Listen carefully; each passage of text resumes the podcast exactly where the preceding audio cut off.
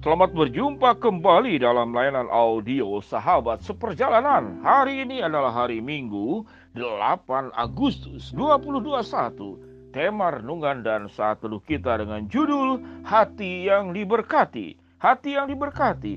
Firman Tuhan terambil dalam Amsal 22 ayat yang ke-9.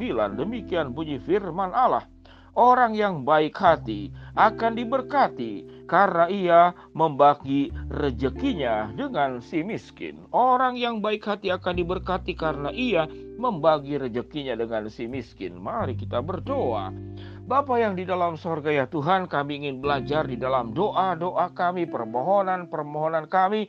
Kami tidak hanya meminta kesehatan, meminta kelancaran, meminta rezeki, meminta masa depan yang baik dan segala hal. Namun kami belajar untuk meminta bahwa hati kamilah yang diberkati.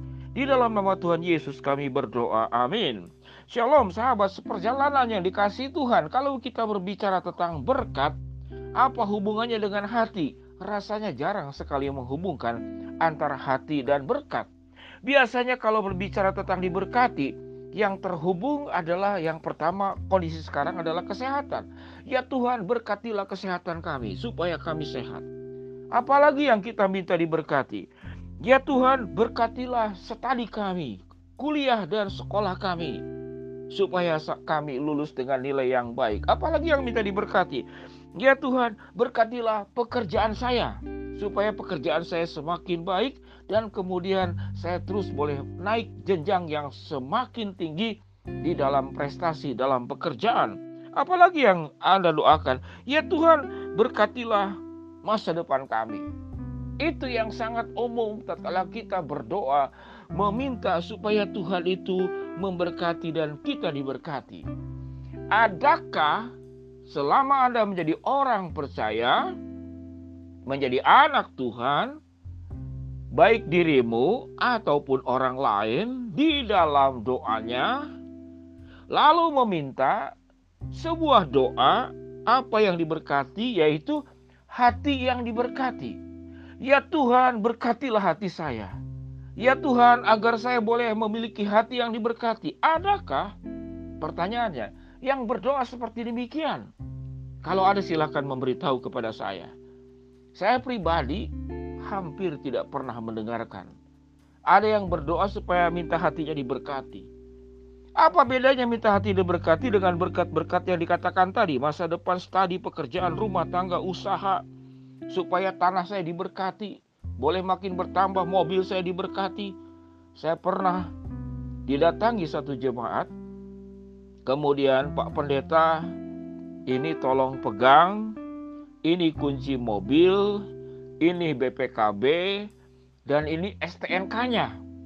Kira-kira sahabat seperjalanan kalau tiba-tiba ada jemaat yang memberikan kunci mobil, BPKB, STNK disimpan di tangan saya dan di tangan sahabat seperjalanan, apa yang terpikir?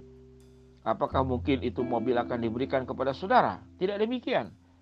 Jemaat ini berkata, Pak Pendeta ini kunci mobil, ini BPKB, ini STNK-nya, tolong tumpang tangan, tolong berkatilah ini mobil yang baru saya beli, supaya sewaktu saya mengendarai perjalanan aman, selamat, dan apa yang diusahakan lewat mobil ini boleh kemudian jadi berkat. Itu yang dilakukan oleh seorang jemaat. Menyerahkan kunci BPKB dan STNK. Baik tidak? Sangat baik. Jemaat ini sangat tahu setiap usaha dan segala sesuatunya. Kalau tanpa campur, campur tangan Tuhan tidak akan berhasil. Engkau harus menyerahkan rumahmu, syukuran rumah. Engkau harus menyerahkan usahamu, masa depanmu, keluargamu, pendidikanmu, segala sesuatunya. Kalau Anda beli tanah, doakan dulu, serahkan kepada Tuhan supaya tanahnya diberkati. Namun yang lebih penting daripada semuanya itu, yang Tuhan mintakan adalah Biarlah di dalam doa kita kita meminta hati yang diberkati. Sewaktu engkau punya hati yang diberkati, maka karaktermu akan baik seperti dalam dalam buah-buah roh.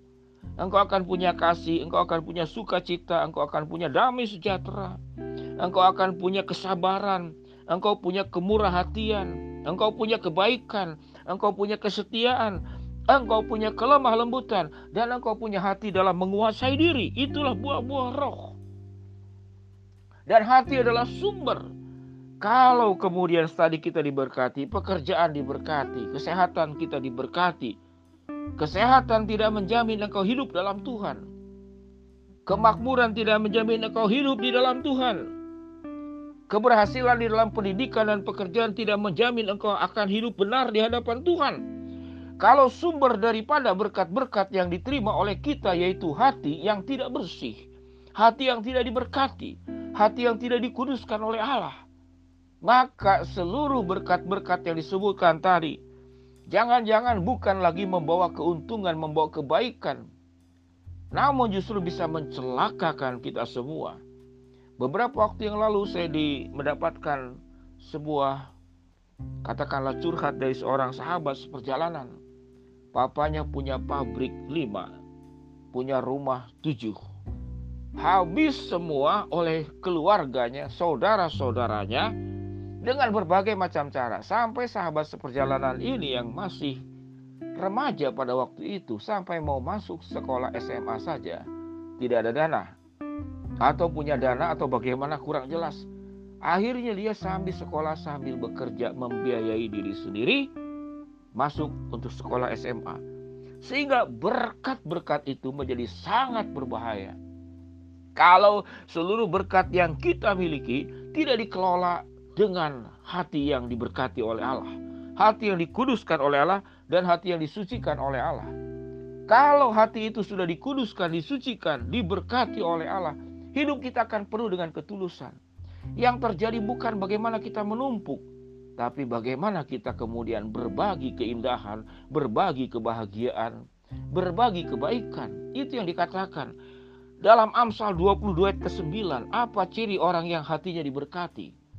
Firman Tuhan berkata, orang yang baik hati akan diberkati karena ia membagi rezekinya dengan si miskin. Orang yang baik hati akan diberkati karena ia membagi rezekinya dengan si miskin. Jadi kalau hati yang diberkati tidak hanya berbicara tentang meminta, namun bagaimana berbagi.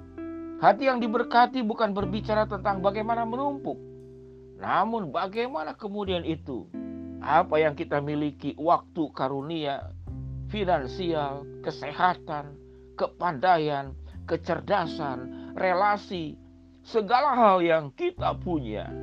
Sewaktu hati kita diberkati oleh Allah setelah kita menerima berkat-berkat berbagai macam hal. Maka kita akan hidup dalam kebenaran, hidup dalam keindahan. Kita akan membagi sukacita Allah dengan berbagai macam cara kebaikan Allah kita akan bagikan. Karunia dan keselamatan di dalam Kristus kita sampaikan kepada mereka yang belum percaya kepada Tuhan. Apa yang menjadi berkat buat kita, orang lain pun bisa menikmatinya, bisa merasakannya karena sewaktu Allah memberkati kita, maka itu adalah bagian yang harus kita pertanggungjawabkan. Tidak semuanya untuk diri kita sendiri, namun kita harus bagikan kepada orang lain. Sahabat seperjalanan yang dikasih Tuhan. Di dalam segala permohonan doa-doa kita, kita minta masa depan diberkati, studi diberkati, rumah tangga diberkati, pekerjaan diberkati, usaha diberkati, tanah, rumah, kendaraan, segala sesuatu yang kita miliki diberkati Jangan lupa berdoa untuk satu hal yang sangat penting. Berdoalah kepada Tuhan. Ya Tuhan, biarlah aku punya hati yang diberkati. Mari kita berdoa. Bapak yang di dalam sorga ya Tuhan hamba mau berdoa buat sahabat seperjalanan agar di dalam doa-doa pribadi kita kami semua kami berdoa agar kami punya hati yang diberkati oleh Allah. Ya Tuhan, yang sakit Tuhan jamah dan sembuhkan, yang sedang punya masalah Tuhan bukakan jalan, yang sedang berdoa mengharapkan sesuatu, Tuhan akan kabulkan sesuai dengan waktu dan rencana Tuhan. Di dalam nama Tuhan Yesus kami berdoa. Amin. Shalom sahabat perjalanan yang dikasih Tuhan. Hati yang diberkati. Amsal 22 ayat yang ke-9. Orang yang baik akan diberkati karena ia membagi rezekinya dengan si miskin. Shalom, Tuhan memberkati kita semua. Happy Sunday. Amin.